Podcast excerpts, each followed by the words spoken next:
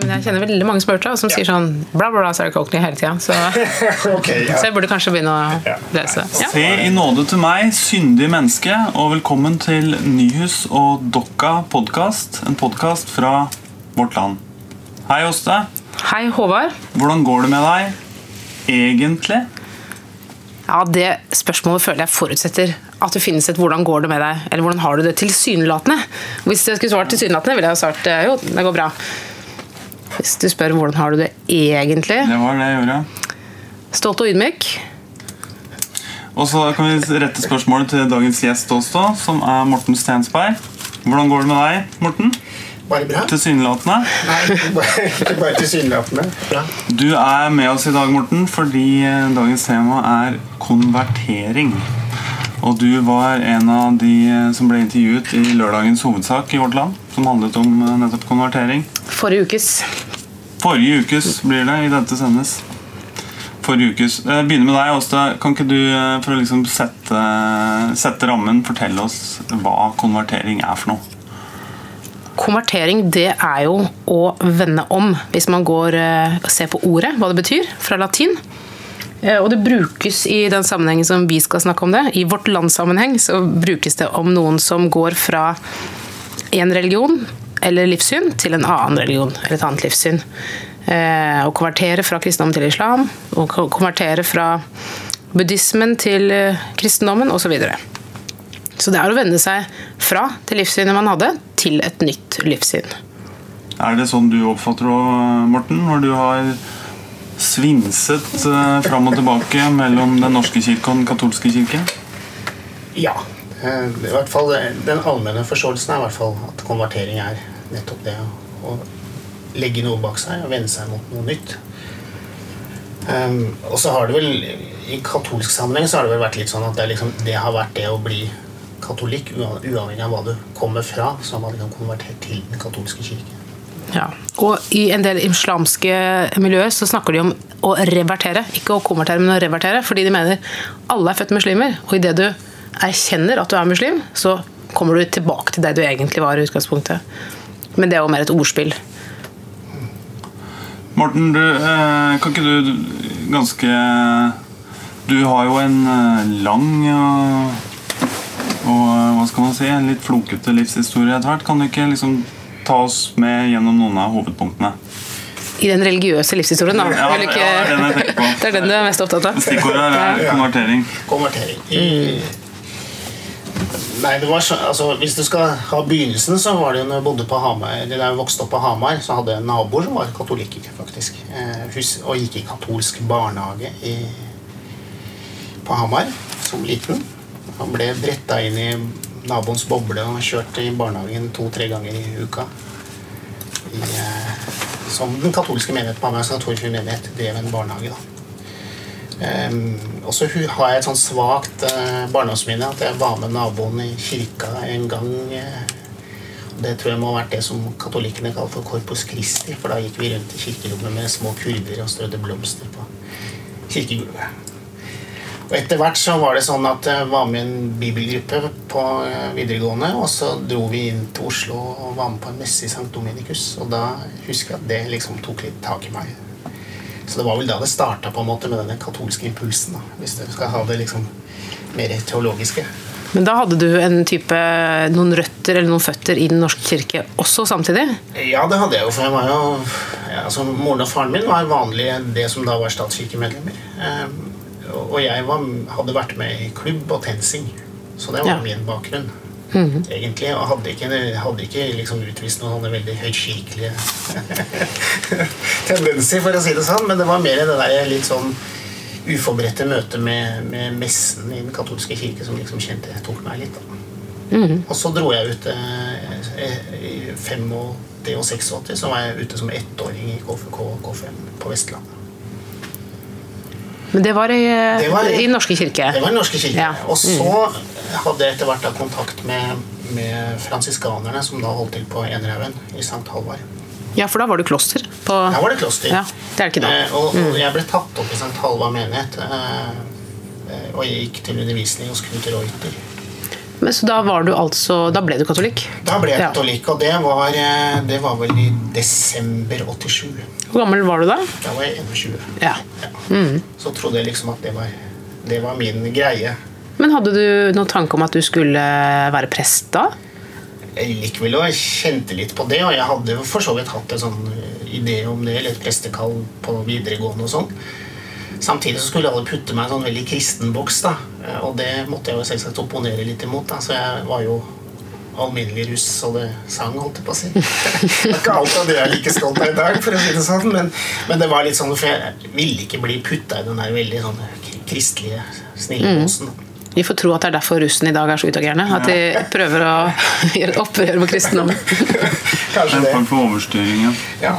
Nei, så, det, så da gjorde jeg unna på en måte ettåringstjenesten, og så begynte jeg da eh, på MF eh, høsten 87, og eh, i januar, februar Nei, 86 begynte jeg på MF. 87 så ble jeg innkalt i siviltjeneste, som jeg hadde i Mellomkirkelig råd. Og jobba der. Eh, og det var litt, Mens jeg var i Mellomkirkelig råd, så så jeg andre sider ved Den norske kirke, samtidig som jeg da liksom var, litt, var på søk mot det katolske. Eh, og da hadde jeg da kontakt med kommuniteten av fransiskanere i St. Halvard. Og så ble jeg da tatt opp i Den katolske kirke da i desember 87. Og noen måneder etter at jeg ble tatt opp, så, så husker jeg det at da trådte jo Knut Reuter ut Ja. som prest og gifta seg med en nonne. Det må ha vært, eh, Var det spesielt for deg? Eh, Var han viktig? Ja, han Eh, Knut var veldig viktig for meg, også fordi han fortalte noe om hvorfor han eh, gikk ut. Mm. og det var litt sånn ganske tankevekkende. Så da kjente jeg jo på at mm, Jeg skjønte i hvert fall at jeg kom nok ikke til å bli katolsk prest. Ja. Og dermed så begynte liksom ting å rulle og gå litt igjen. da. Eh, Og så gikk det jo noen år, og i februar 90 var det vel, da gikk jeg ut av katolske kirke. da. For da ville du bli prest? Jeg ville bli prest. Og så, så var det jo det at jeg liksom Hele tiden så har det der forhold til Den norske kirke at jeg har nok hatt mer av den i meg enn jeg av og til liksom har trodd. Mm. Og også dette, denne at det å ikke bli prest var på en måte et slags svik Et svik mot hvem? mot Gud og mot Ja. meg selv til dels. Eh, og samtidig som jeg begge disse rundene så hadde jeg en sånn opplevelse av at jeg skulle ikke bli prest i Den katolske kirke. Men hadde du, da hadde, Og så hadde du mange år som prest i Den norske kirke. Så hadde mange år så lå denne uroen Ja. der. Da. Var det riktig av meg liksom å trå ut av Den katolske kirke? Men du ble gift og alt sånt noe i mellomtida? Jeg ble gift, Ja. sånt. Men det var ikke en kvinne som var foranledningen for at du Nei, da var jeg, gikk ut av den katolske nei, da var jeg, nei, det skjedde etterpå. Det var bare hun som trodde at jeg fortsatt var katolikk da vi ble sammen, så det var litt ufarlig å forholde seg til. Det er et slags triks, det. Altså. Ja, nei, jeg vet ikke det. Jeg tror ikke jeg anbefaler det trikset. Bra sjekketriks. Ja, det er dårlig. så, eh, så da ble jeg jo eh, og, ja, og da hadde jeg jo sommervikartjeneste i Den norske kirke og sånn, og ble etter hvert da ordinert av Rose i desember i 94. Og da husker jeg det gikk sånn debatt da, som jeg tenkte, hvor noen, noen, eh, noen teologer og prester mente jo da at sånn ontologisk sett, vesensmessig, så skjedde det en endring med meg. Fordi jeg ble ordinert av en kvinnelig biskop, så gikk jeg fra å være mann til å bli en slags kvinne. Sånn ontologisk. Oi, den var ny. Den har jeg ikke hørt før. Ja, jeg hørte den. Var det, var det en allmenn oppfatning på den tida? Var det, Nei, var ikke det. Nei? Men det var litt av liksom debatten, da. Ja, okay. ok. dette, hva, hva slags status har liksom vi da som ble ordinert av Rose? Så du det ikke bare skifta konfesjon, men også kjønn, Ja, egentlig? Ja. Ja, Så du ble på dobbelt vis ikke anerkjent, da? ja, det kan man si. Og da begynte jeg på Tangen eh, i Stange. I 95 ble jeg tilsatt der. Så var jeg der fra 2000, eh, fram til 2008. Og så hadde jeg et eh, snaut år hvor jeg faktisk vikarierte for eh, faren til og, Faren til undertegnede? Ja. Mens han skrev sin første bok om Jon Foss og mystikken. Så, Ja. så var jeg vikar på Og det var vel kanskje på den tiden at Jon Foss eh, fattet interesse for katolisismen òg? Det kan nok hende. Ja. For da skjer det noe hos deg òg? Ja, Da var jeg mer litt sånn frustrert. eh, Lurte litt på hva jeg gjør jeg nå. Og så snakka jeg med en del folk. alle sammen, du, du kan ikke slutte som prest. Du må jo bli værende. Og Så tenkte jeg ok, da holder jeg det gående noen år til. Eh, og så ble jeg etter hvert eh, ble, Etter det året som vikar så ble jeg tilsatt i Hamar menighet som kapellan. Og så gikk det en fire år, og så og i ja, februar 2013 så ble det litt sånn bom stopp. Ja. Og Anne, kona mi, spurte meg det, Ja, det er ikke det at du er utbrent, da. For det var ganske lange arbeidsdager. Og kunne liksom gå fra tre begravelser til å gå rett over i konfirmantundervisning og begynne på jobb klokka ni og være hjemme igjen klokka ti.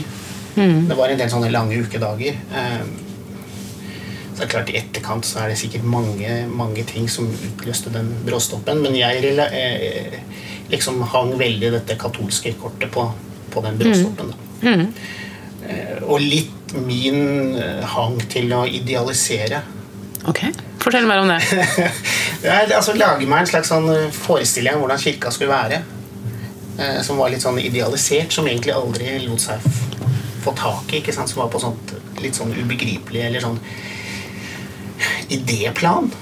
Eh, Ikke sant? Hvor alt var veldig greit. Og da var det liksom veldig mye greiere å henge den litt idealiserte formen for kirke på det katolske. Altså, så du Ja, jeg skjønner. Jeg, så, Ikke sant? Og så hadde du alt Du dette. skjønnmalte ikke. Det er ikke idealisering i den forstand. Det er mer at ting ikke strekker til det idealet du Ja, altså, ikke skjønnmalte, men jeg hadde nok en forestilling om at, at det jeg trodde var den katolske kirke og den katolske virkeligheten, det var liksom mye nærmere mine idealer om hva kirka Nettopp. var.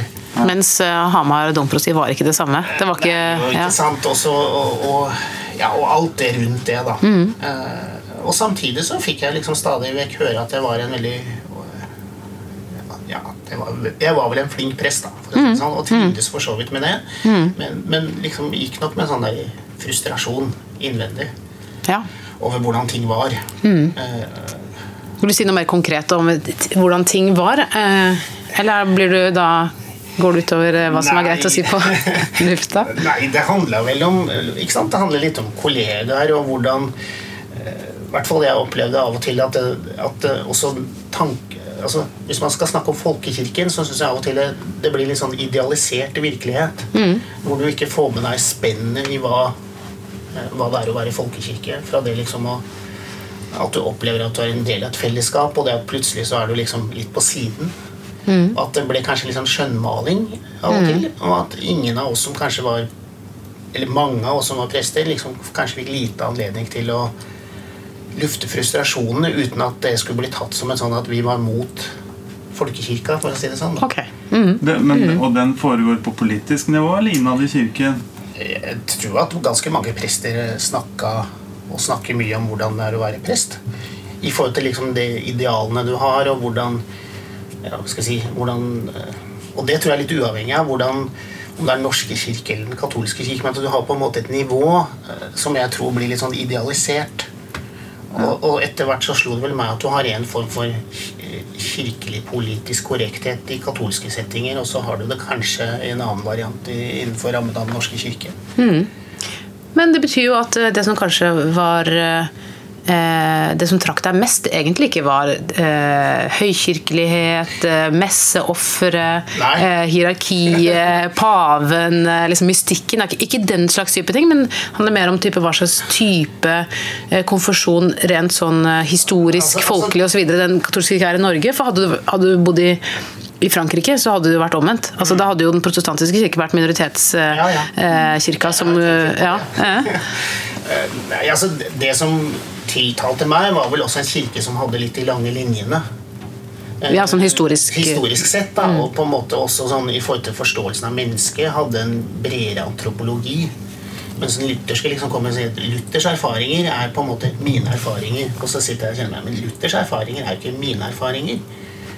I og for seg, altså At du har et, hva skal vi si, et, en større sånn kollektiv arv som du på en måte kan finne noe gjenkjennende i. Men for meg så var det jo også det var gudstjenesten, feiring av messen, men ikke nødvendigvis at jeg, at jeg hadde veldig sånn Og messeoffer og, og liksom eh, Ja hierarki og alt sånn. Mm. Det var det ikke. Men, men det var noe av det som møtte meg da jeg kom tilbake. ja. Eh, liksom ok. senere, og jeg merka at, at jeg opplevde at ting hadde endra seg ganske mye fra det jeg eh, da hadde vært innom Den katolske kirke for å si det sånn, på 80-90-tallet, og så kom, kom tilbake i 2013. Ja, Hva slags endring var det? på Jeg opplevde i hvert fall det, men det er min opplevelse, at på 90-tallet så hadde du prester som hadde på en måte begynt i prestetjenesten kanskje før og rundt annet Vatikan, Vatikankonsil, og som hadde sett på konsilet som en voldsom befriende opplevelse. Og så syns jeg jeg møtte nå møtte jeg liksom yngre prester, hvor nesten alt det som var konsiliært eller etterkonsiliært, det var jo, det var jo til dels ganske skrekkelig. Ja. Det var en avsporing. Mm. Og kan Vatikankonsilet, for den, eh, de som ikke vet så mye om dette her, det var i 1962, ikke sant? 62 til Seks- Ja. Og da bestemte de seg jo for å f.eks.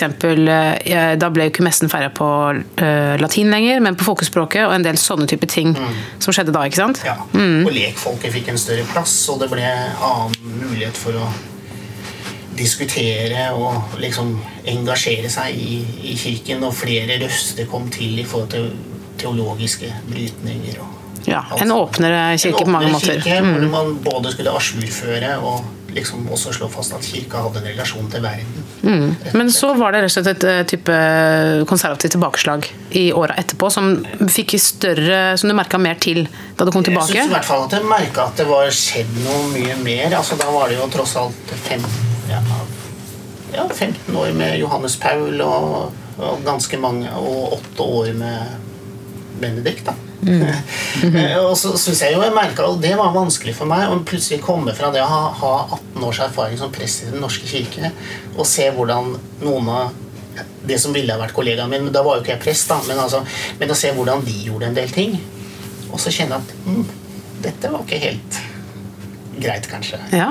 Og Og- de, de, hvem var det du henviste til? da? Nei, En del yngre prester, og Ja. måten også så opplevde vi at det var mye mer fokus på presten og prestetjenesten. Eh, altså Det som Pave Frans snakket om, altså klerikalismen, syns jeg var mye, mye tydeligere eh, nå. For noen år siden. Mm. Og kanskje nå også om den var på 80-90-tallet. Og det likte du ikke? Nei, for meg var det litt sånn øh, Ja, merkelig å, å, å se. Og samtidig liksom med mine erfaringer som prest i Den norske kirke. Da. Så Og dette var sånne anfektelser du gjorde deg ganske umiddelbart? Forstår jeg deg rett da? etter hvert så, så kom det jo noen anfektelser. Men ikke sant, det er en blanding av det at jeg, jeg begynte jo å jobbe i, i Caritas, som er hjelpeorganisasjonen til Den katolske kirke, og gikk på en smell der, for der ble det en arbeidskonflikt som involverte meg og flere andre. Og så når den Så det gjorde jo at jeg jobba der i fem måneder omtrent. Og så, og så sa ble jeg sjukmeldt en periode, og så sa jeg opp 1. mai 2014, og så begynte jeg å jobbe i begravelsesbyrå. og, så, og, og, og, så begynte jo denne medlemsregistersaken å rulle, og samtidig mm. kjente jeg at det var en del ting som jeg rett og slett var litt fremmed for. Eh, og så kom dette grunnleggende spørsmålet Var det riktig av meg å forlate Den norske kirke. Og så var det plutselig å se Den norske kirke utenfra. Se alt det som jeg tidligere kanskje hadde sett på som litt sånn ikke veldig ålreit. Og plutselig sier jeg det, men det er, noe verdifullt i det også, men det er liksom en jeg, jeg tror jeg måtte ha denne avstanden på en måte for å gjenoppdage og se både se meg selv og prestetjenesten jeg hadde stått i, og, og Den norske kirke utenfra. Den, da du bestemte deg for å komme tilbake til Den norske kirken, var det først og fremst prestetjenesten du kom tilbake til, eller var det Det var jo kirken òg, men, men selvsagt. For det er jo, det er jo, jeg er jo prest i, i Den norske kirke, så jeg kunne jo ikke bare liksom isolere prestetjenesten. Men, men det er klart For meg handla det vel også om den der grunnleggende identiteten som liksom har ligget der eh, i mange mange år. Plutselig finne ut at den kunne jeg ikke bare late som om ikke var der. Og samtidig som jeg ganske tidlig var tydelig på det at jeg, jeg gikk ikke tilbake til Den norske kirke fordi jeg trodde at jeg da liksom skulle Nei, til Den katolske kirke fordi jeg trodde jeg skulle finne en bakvei inn i prestetjenesten i Den katolske kirke.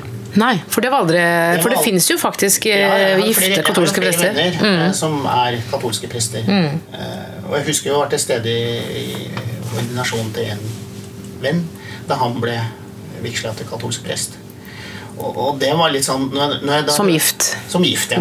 Og når, han da, når, han, når biskopen har lest opp dette, dette løftet, eh, lydighetsløftet, så tenkte jeg det kan jeg aldri gi.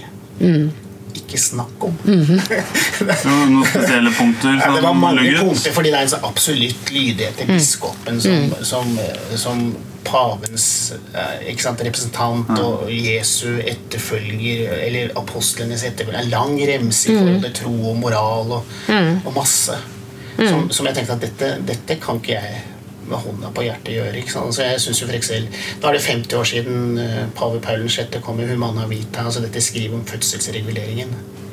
Det var jo aldri min Jeg har aldri vært på den linja. ikke sant? Nei. Og så merka jeg at for mange, mange, en del norske konvertitter så var jo liksom det å vise lydighet mot paveembetet ikke sant? og alle Ja. disse læremessige uttalelsene ble jo liksom en sånn form for identitet.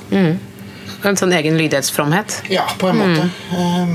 og det er klart, det, hvis du liksom tenker at um, man blir katolikk fordi man har tilhørt Den norske kirke, og så blir man katolikk fordi man tar et oppgjør med Den norske kirke, så skjønner jeg at det blir viktig, for da blir jo det et slags oppgjør med det man mente at Den norske kirke var sånn halvveis klar eller uklar i, liksom, med å komme til en, en katolsk kirke hvor ting var veldig tydelig uttalt hva som var innenfor og utenfor. da.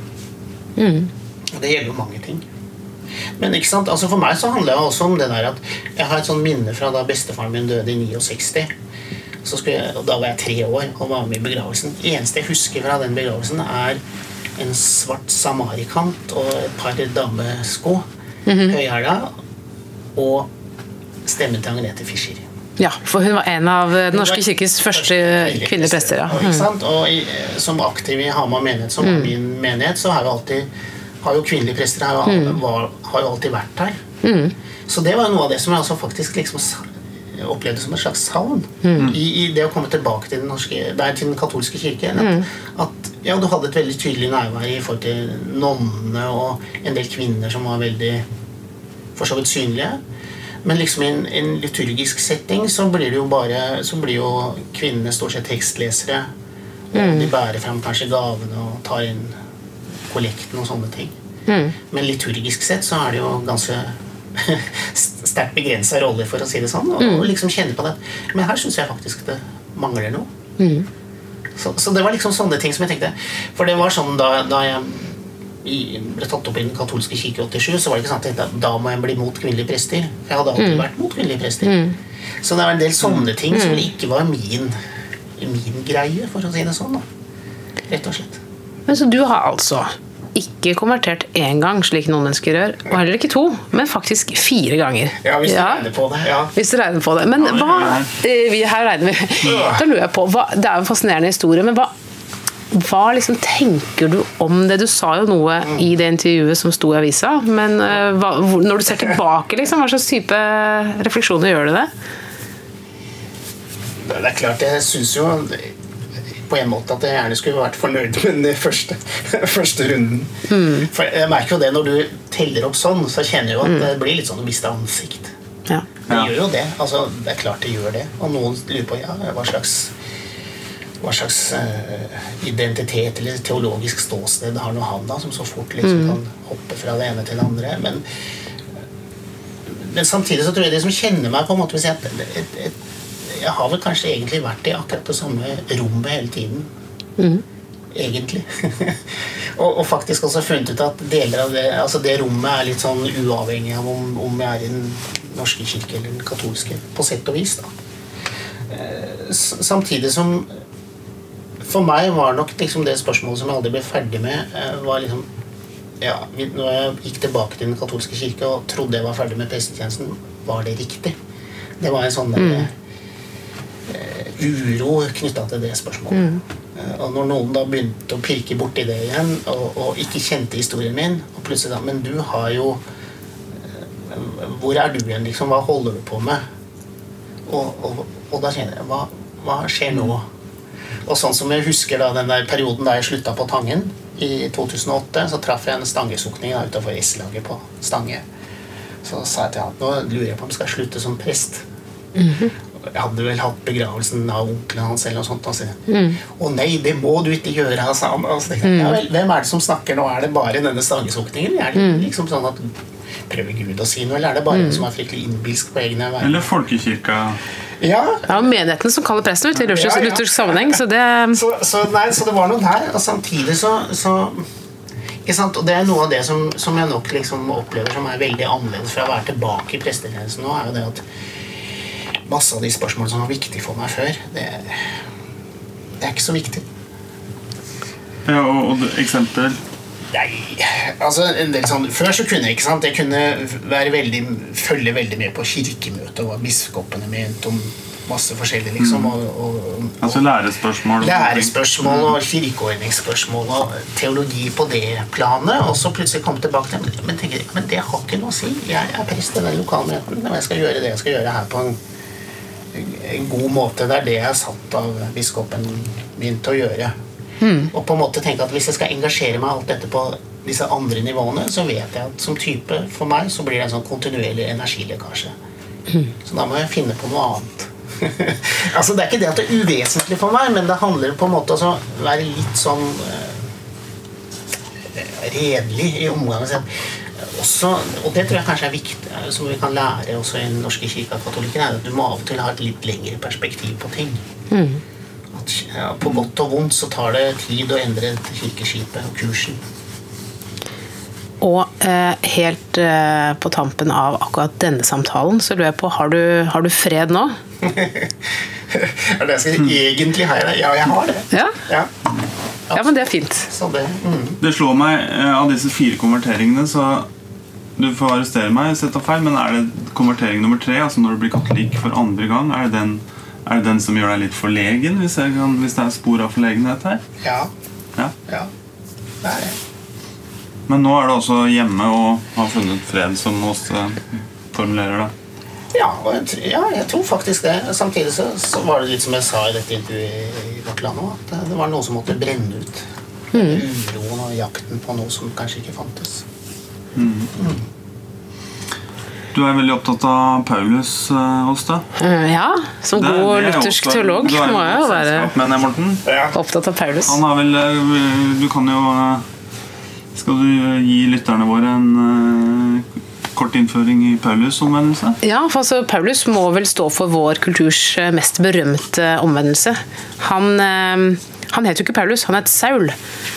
Eh, og hvis vi leser apostelgjerningene, som jo ikke Paulus har skrevet, men Lukas, eller en eller annen som vi tror kanskje het Lukas, eh, så fortelles det om da Saul, eh, som da var eh, en, av de, en av dem som jakta på den tidlige kristne kirke, eh, en skriftlærd, eh, var på vei til Damaskus. Og der, mens han var på vei dit, så ble han både Fikk han et sånt syn, han ble slått av et lys, og han hørte en stemme. Og stemmen sa Saul, Saul, hvorfor forfølger du meg? Eh, Saul spurte, 'Hvem er du, Herre?' Og da svarte stemmen, 'Jeg er Jesus, han som du forfølger'. Eh, Og enden på visa ble jo at eh, Saul ble til Paulus. Eh, Og ble en kristen, og ble kanskje en av historiens viktigste kristne. Så sånn kan man også konvertere fra Ja. Har du noen gang eh, Er det, er det Leser du ditt eget liv i lys av denne fortellingen noen gang? Morten? Nei, Eller er det altfor beskjeden til det? jeg tror mitt liv er langt mer udramatisk. ja, det, er ikke Men det er mer dramatisk enn mange andres liv. da, da, i det jo, ja. Men jeg lurer på, Håvard, hvis du eh, måtte konvertere til et annet eh, trossamfunn altså nå, Du er formoder jeg medlem av Norsk kirke, kan det stemme? Det er en riktig formodning. Ja, hvis, du, hvis det var sånn at det, nå skulle den legges ned, og alle, alle borgere i Norge måtte ha en tilhørighet, hva, hva ville du gått for? Uh, nei, ja, da ville jeg nok uh, kanskje gjort som Morten her. Og gått for katolisismen og med, med henvisning til de lange linjene og eh, den rike liturgien. Vil ikke plage deg litt grann at det er sånn kjønnsfascistisk eh, Halvparten av menneskeheten kan ikke bli prester, liksom. Det er ikke Eh, det um, det, nei, det er vel noe jeg hadde fått erfare først etterpå. da, kanskje Det er vel noe som, en innsikt som kanskje slår deg først når du står i det. samtidig, samtidig så tenker jeg at det er jo litt spennende i den forstand at det er jo ganske mange eh, hva skal vi si, nordmenn som du liksom på en måte vil kalle liberale. S- Som på tross av alt det de eh, på sett og vis mener å sette fingeren på, sier at dette er jo helt illiberalt, eller det er liksom nesten antimodernistisk, eller eh, Og så blir de katolikker likevel. Ikke sant? Hans Fredrik eh, Dahl. Dahl, for eksempel. Og en del andre. Mm. så det, er, en- det må jo være noe der, da. Som, som, Du nevnte i stad dette her lydighets... Denne lydighetsmaksimen som ligger der. Mm. Men tror du ikke mange av disse nye eh, kulturkonvertittene har et litt mer lemfeldig forhold til noen av disse reglene? Om Jo, prevensjon, eh, f.eks.? Jo, det tror jeg jo. Ja. Det er, men det er noen ikke sant, som det blir liksom veldig viktig å markere en form for lydighet i tilknytning til noen av disse spørsmålene. Men det, jeg tror jo faktisk veldig mange katolikker har et litt Det du kaller lemfeldig, eller de gjør, de, gjør, de gjør som de mener er riktig for samvittigheten sin. Men er det, har du noen gang snust på noen andre kirkesamfunn? Morten? Nei, men eh, Nei, jeg har ikke det. Altså eh, jeg, Det var vel noe av det jeg fant ut av i denne prosessen. Jeg tenkte, eh, Da jeg, da jeg var katolikk og kjente at nå er jeg kanskje på vei tilbake så leste jeg se- biografien om Rowan Williams. Mm. Så jeg, jo, jeg kjenner jo på en måte at eh, hvis jeg liksom skal si hva slags katolisisme som jeg kanskje ender på, så er det nok mer en form for reformkatolisisme, for å bruke det uttrykket. da Ja. Som du kanskje finner litt mer i en sånn anglikansk tapning. Ja. Eh, samtidig så, så tenker jeg at eh, jeg er prest i Den norske kirke med de ordninger eh, Den norske kirke har. Og, og, og, og så har da Den norske kirke den eh, Porvo-avtalen med de anglikanske kirkene. Mm. Så du kan faktisk få jobb i Den anglikanske kirke noe- etter avtalen. jeg har ikke noe behov for det, tror jeg. Nei. Men, men, men, men altså, nå er det vel mer sånn at jeg, jeg, altså, jeg er jo litt nerdete, så jeg leser jo fryktelig mye teologi eh, og leser jo alt mulig. Eh, Og det er ikke sånn at jeg leser nødvendigvis for å be, få bekrefta mitt eget syn, eller bare fordi jeg er nysgjerrig. Mm. Men jeg syns nok nettopp at eh, for meg så har det å lese Rowan Williams har vært en sånn måte å se en, en hva skal vi si, en teolog som befinner seg innenfor en protestantisk del av kristenheten, og likevel liksom ha med seg mye av en, en katolsk tilnærming til mye. da. Mm. Og For dem som ikke kjenner Rowan Williams, så er han da tidligere erkebiskop i den anglikanske eller erkebiskop Canterbury, heter det vel. Ja, den anglikanske kirke, verdensvide kirke, egentlig, som han har vært øverste hode for. Men steg ned for å jobbe som akademiker. Ja. Gå tilbake til eh, en, et arbeid som akademiker. Å bytte fotballag det er jo noe som er forbundet med voldsomme store, store sosiale sanksjoner. Eh, har du støtt på noen, noen sosiale sanksjoner av noe slag? jeg har ikke det, men jeg har vel opplevd at noen vennskap har gått fløyten. Ja. Det holder, det. altså. Trenger ikke møte noen sanksjoner når det Ja, jo, jo, men det er det jeg mener, egentlig. Ja, ja. Ja. Nei, det, synes jeg, det er kanskje det, det som jeg syns er tristest, på en måte. Og så, så, så hører det jo med til historien at kona mi konverterte for mange år siden. Og og det er klart den der, Til hva? Og ble katolikk. Ja, nettopp. Eh, Så det er klart at noe av det som, som var som, som, ja, som er det triste for oss imellom, er at nå kan jo ikke vi gå til eh, lenger, ikke sant? Vi kunne gjøre det den perioden jeg var, var innenfor den katolske kirken, men av respekt for, for sin kirke, så kan hun delta på gudstjenestene hvor jeg er prest, men hun velger da bare å komme fram og, og be om en velsignelse og ikke motta nattverd. Det Klart det, det stikker jo litt. det, Altså. Noen liksom som ektefeller. Du kan dele hus og seng, men du kan ikke motta Jesus i nattverd, liksom. For det, for Det er noen paradokser her. Ja. ja. Men ellers så har ting eh, vært eh, ganske konstant i livet, og kona får blitt den samme hele veien. Ja, det var jo det noen sa. da. Men du har jo vært gift med samme kona i så mange år, og så driver du og surrer sånn med dette kirkesamfunnet. Åssen går det an, liksom? så var det jo noen tidligere venner som lurte på om, det var, om jeg liksom kunne kalles konvertitten Tei.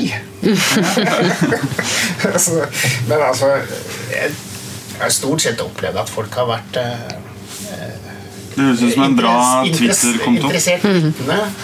Eh, og også Solveig, biskopen min, som jo tok, tok meg på alvor når hun skjønte at jeg var litt sånn in the middle of nowhere, på en måte. Sånn kirkelig og te- teologisk. Eh, og så da må vi snakke sammen. Hun brukte over et år på å føre på, for å se om det var noen vei tilbake til Norske kirke og prestetjenesten. og sånn. Så uten Solveig så hadde jeg nok ikke Hadde jeg i hvert fall ikke vært i noen prestetjeneste. Mm. Så, så det er jeg veldig takknemlig for. Og hun investerte. Og det er klart, jeg vil jo tenke at hun har jo faktisk investert nå. For det er sikkert noen som lurer på ja, hvor lenge kan vi stole på at han Ja. her nå. liksom? Og, eller liksom vil han komme med noen sånn kirkepolitiske utspill som ligger liksom i sånn katolsk leir eller hva, hva er det? Er han en muldvarp? Ja. Mm. Jeg tror ikke jeg, jeg tror jeg kan si med hånda på hjertet at eh, jeg tror ikke noen i menigheten her gjør eh, tjeneste nå og opplever meg som en muldvarp. Det var, det var godt å høre. Ehm, vi har kommet til eh, spalten vår, har vi ikke det, Oste? Mm. Eh, Jeg kan forklare det for deg, da, Morten. I denne spalten som vi kalt Hva er vi egentlig har kalt denne spalten? Åste? Hva fant vi Jeg er frista til å kalle den for Rundt middagsbordet, men det høres veldig som Margrethe Munthe-aktig ut. Eh, Så jeg tror vi må jobbe litt mer med den. Premisset er som følger. Ja. se for deg at du skal i et middagsselskap kommende helg. Mm. Hvilket tema introduserer du ved bordet som får god fart på samtalen? Skal vi begynne med deg, Åste, og så tar jeg deg etterpå, Morten? Ja, jeg tror egentlig at eh, jeg ville rett og slett stilt det samme spørsmålet som jeg stilte deg i stad. Altså, hvis du måtte konvertere til et annet trossamfunn, hva ville du valgt? Jeg syns det er et kjempemorsomt, eh, kjempemorsomt tema. Og jeg, jeg, får spørre deg, da. Ja. Jeg Kan ikke du svare på det? jo, takk for at du spør, Håvard. Det kommer litt an på om det må være i Norge eller ikke. For Hvis jeg hadde vært i Norge, så tror jeg jeg måtte blitt eh, kveker eller metodist. Jeg, jeg ser ikke for, men, sant, det er jo litt som å bare Hvis du måtte flytte et sted, så ville du flytte til nabohuset. Det er jo litt kjedelig, liksom. Eh, så så jeg ville liksom, hvis jeg kunne valgt meg verden, hvis jeg kunne, kunne dratt ut i verden og blitt noe helt annet, så tror jeg kanskje ville vært sånn liberal jøde i New York.